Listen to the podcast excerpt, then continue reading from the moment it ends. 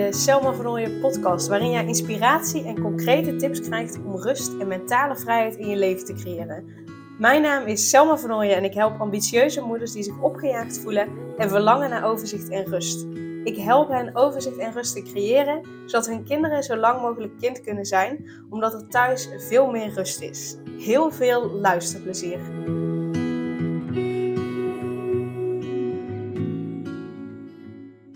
Deze maand juni vertel ik je de hele maand het verhaal van Anouk.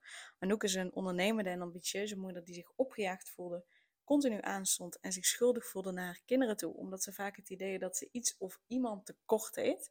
En in deze reeks vertel ik je welke inzichten en tips Anouk hebben geholpen om overzicht en rust te voelen, zodat ze weer voluit geniet van het leven met haar gezin en haar bedrijf. Wil je meer weten over Anouk? En waar ze tegenaan liep, luister dan vanaf aflevering 60. In aflevering 60 stel ik Anouk uitgebreid aan je voor.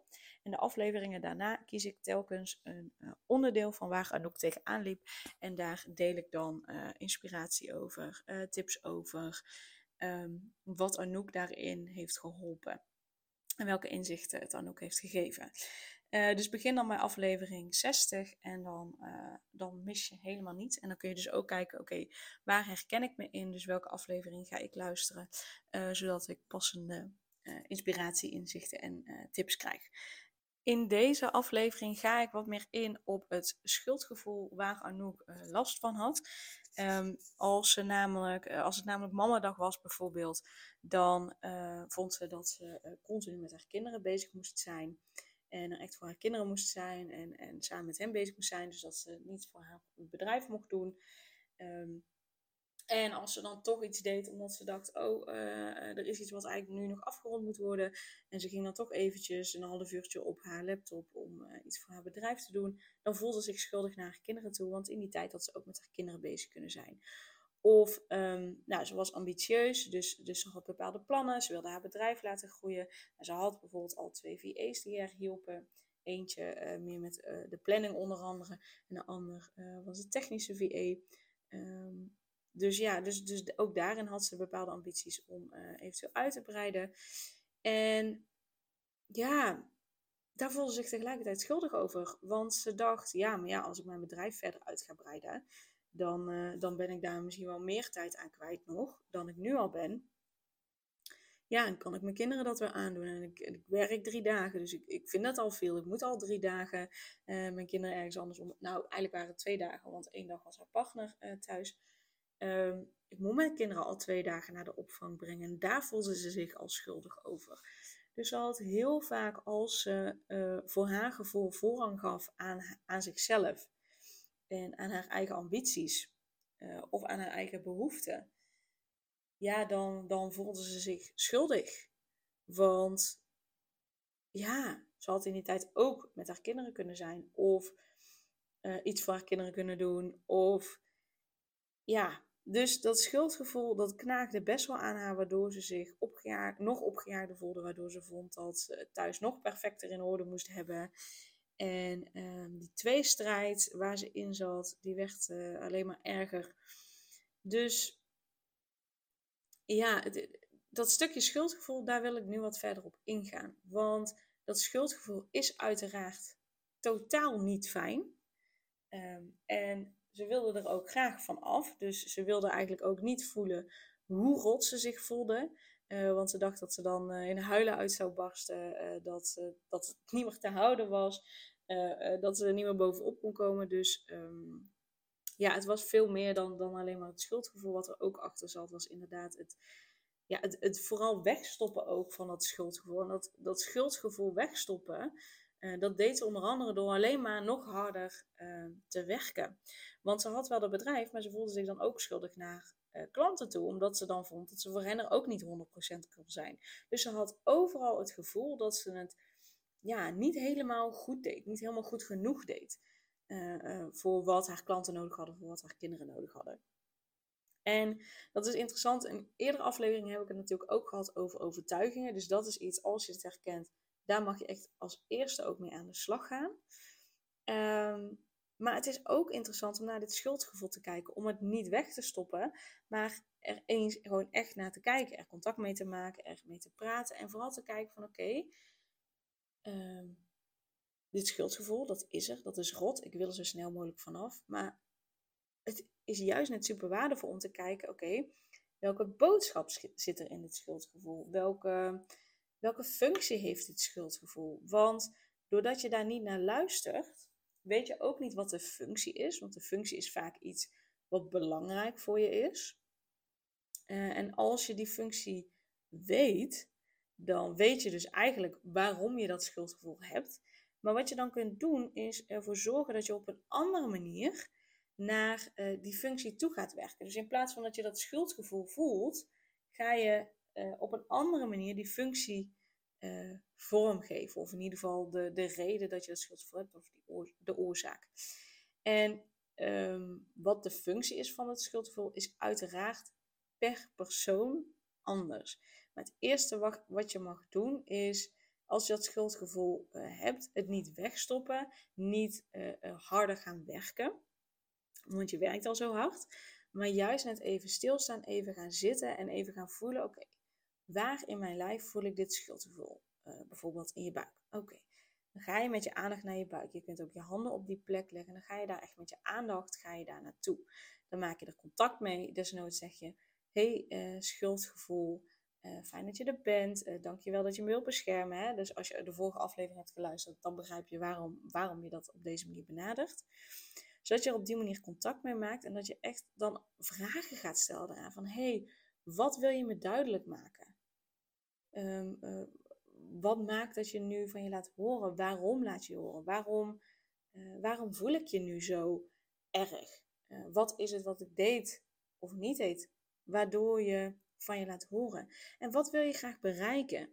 Wat, wat is je positieve intentie? Wat is je positieve bedoeling hiervan?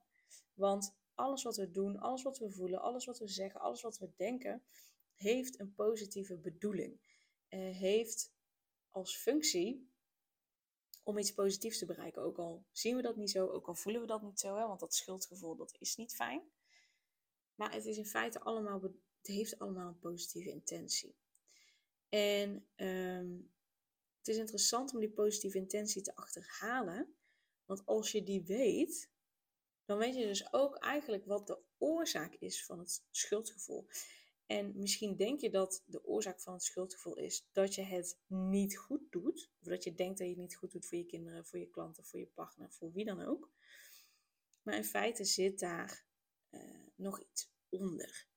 En als je dat weet, dan kun je er dus echt iets aan doen. In plaats van nu ga je dat schuldgevoel uh, ja, bestrijden door alleen maar harder te gaan werken. Nou, dat kost veel te veel energie.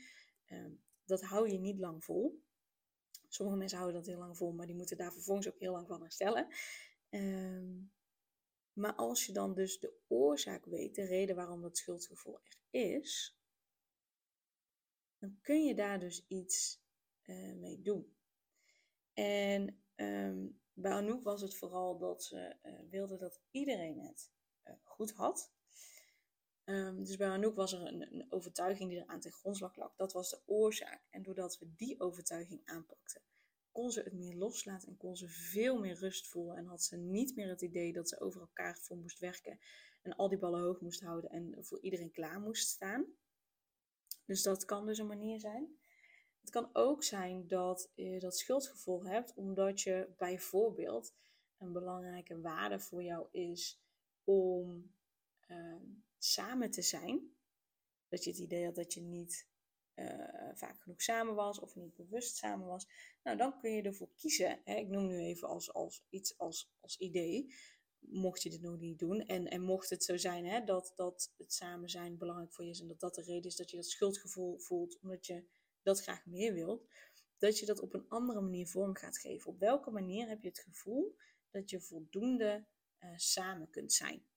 En dan kan het zijn dat je misschien één keer in de week met het hele gezin heel bewust een avond of een ochtend of een middag uh, vastzet. Waarbij niemand andere afspraken maakt, maar jullie gewoon echt samen zijn. En dan kan het zijn dat je samen iets gaat doen. Het kan ook zijn dat je samen gewoon uh, pyjama ochtend houdt. Of dat je samen naar een speeltuin bent, maar waarin waarin dat samen zijn dus een hele belangrijke rol speelt. Dus ook op die manier kun je daar aandacht aan geven. En doordat je dus dan standaard uh, dat moment in de week hebt, zal je schuldgevoel op andere momenten in de week minder zijn, omdat je schuldgevoel als functie had uh, om ervoor te zorgen dat je meer samen was met je gezin. Maar doordat je daar al invulling aan geeft, hoeft dat schuldgevoel minder omhoog te komen, omdat dat dus al ingebouwd is in je week. Dus ook daarom is het interessant voor je om net als Anouk gewoon echt te gaan zitten, contact te maken met schuldgevoel, te ontdekken, oké, wat is de oorzaak, wat is de positieve intentie, wat is de positieve functie hiervan en hoe kan ik daar op een andere manier vorm aan gaan geven? Of hoe kan ik dat dus gebruiken om de oorzaak op te lossen, zodat ik die rust voel, zodat ik dat schuldgevoel niet meer heb en zodat ik gewoon echt kan genieten en van mijn gezin en van het waarmaken van mijn ambities. Ehm, dus ga daarmee aan de slag voor jezelf. Yes, en uiteraard, je weet het, je moet altijd vinden, je kunt altijd een matchcall aanvragen, um, zodat we samen eh, kunnen kijken of we een klik hebben. En zodat we hier samen mee aan de slag gaan, want samen ga je nog zoveel sneller, zoveel makkelijker uh, hiermee aan de slag. Dus weet dat je me altijd kunt benaderen. En super dankjewel voor het luisteren en een hele fijne dag.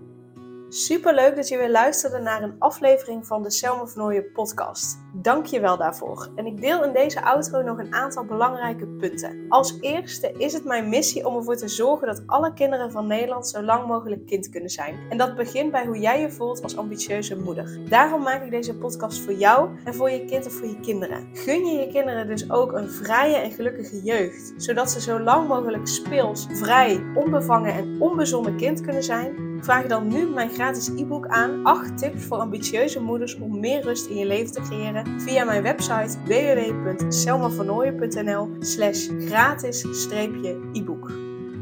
Ten tweede, wil je alle podcastafleveringen overzichtelijk onder elkaar en wil je als eerste op de hoogte gebracht worden als er een nieuwe podcastaflevering online staat? Abonneer je dan op de podcast door op de knop volgen, subscribe of abonneer te klikken.